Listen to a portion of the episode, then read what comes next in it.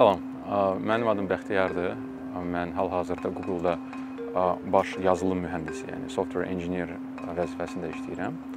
Bu gün sizə riyaziyyat haqqında, riyaziyyatın niyə bizə lazım olduğunu və niyə riyaziyyat məktəblərdə, nəinki Azərbaycanda, bütün dünyada doğru şəkildə keçirilmir, onun haqqında danışmaq istəyərdim.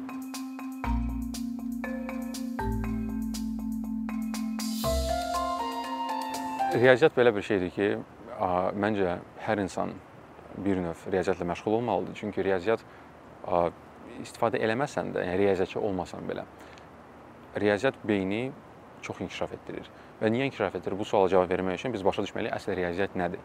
Çünki insanların məktəbdə gördüyü riyaziyyat, yəni riyaziyyat adlı biliklər, onlar əsl riyaziyyatdan, yəni ali riyaziyyatdan çox fərqlidirlər. Bəzi insanlar fikirləşir ki, riyaziyyat rəqəmlərə aid nəsə bir elmdir. Amma reallıq belədir ki, riyaziyyat rəqəmlərlə çox uzaq bir əlaqədədir. Riyaziyyat hərflər, riyaziyyat simvollar üzərində qurulmuş bir elmdir. Çünki riyaziyyatın təməli, riyaziyyatın əsası məntiqdir. Yəni biz məktəbdə gördüyümüz mövzular, onlar çox utilitar bir funksiya daşıyır. Bizə 11 il ərzində öyrədirlər ki, rəqəmləri necə əlavə eləyə bilərsən, çıxa bilərsən, hansısa sənə bir tapşırıq verir, onu necə həll etməlisən, qrafikləri necə çizirsən. Amma insan başa düşmür ki, bu bunların hamısı riyaziyyatdan, əsl riyaziyyatdan uzaqdır. Əsl riyaziyyat hansısa məntiqi fərziyyələr üzərində qurulur. Yəni riyaziyyatçının işi odur ki, o hansısa bir fərziyyəyə baxır və fikirləşir, bu doğrudur yoxsa yanlışdır. Doğru olduğunu fikirləşirsə, bunu isbat etməyə çalışır. Ya da ki, onun səhv olduğunu göstərməyə çalışır. Ayrı bir məsələ var ki, əvvəlcə də dedim ki, bu rəqəmsal riyaziyyat, əsl riyaziyyat deyil, amma onu da məktəbdə doğru düzgün şəkildə eləmək mümkündür. Sadəcə olunmur. Yəni mənim fikrimcə müəyyən riyaziyyatın hissələri var ki, onları məktəbdə keçmirlər, amma keçməlidir. Xüsusən mən fikirləşirəm ki, məktəblərdə statistika və ehtimal nəzəriyyəsi keçirilməlidir. Niyə?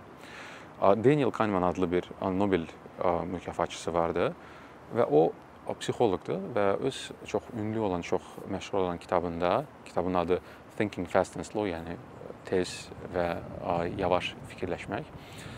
O kitabda insanların koqnitiv səhvlərindən danışır. Yəni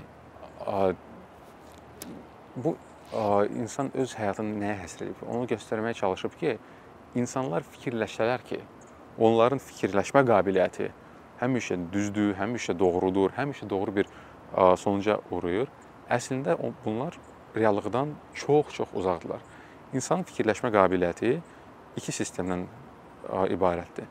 Sistem 1 çox tez fikirləşən, amma heç dəqiq fikirləşməyən bir sistemdir ki, məsələn, otda bir pələngə bənzər bir şey görürsənsə, birbaşa fikirləşəsən ki, o pələngdir, reaksiya verəsən, qaçasan. Sistem 2 isə bizim doğrudan da məntiqlə, dillə əlaqəli bir sistemdir. O insana doğrudan da doğru sonuca çatmağa, ulaşmağa bir yol verir. Problem ondadır ki, insanın insanların çoxusu, əksəriyyəti 99% sistem 1-i istifadə eləyir və hansısa, yəni emosiyalara görə hansısa bir sonuca çatır və fikirləşir ki, bu doğrudur. Halbuki heç vaxt fikirləşmir ki, bu nə qədər doğrudur. Kitabda 100-dən çox, yəni insanın peşə karyerası vaxtında toplanılmış nümunələr var ki, göstərir ki, insan necə nəyisə hesablamağa çalışanda səhv hesablayır.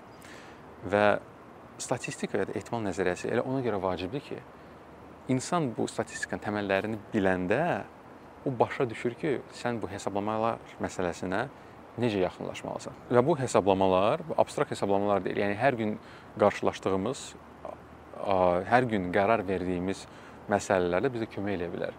Çünki sən bilsən ki, doğrudan da hansısa bir ə, hadisənin ehtimalı aşağıdırsa, ona əsasən doğru strategiya qura bilərsən. Onu bilməsənsə, sən ə, həddindən artıq ya riskli, ya da ə, kifayət qədər risk almamış, almayan bir strategiyaya baş qoşa bilərsən.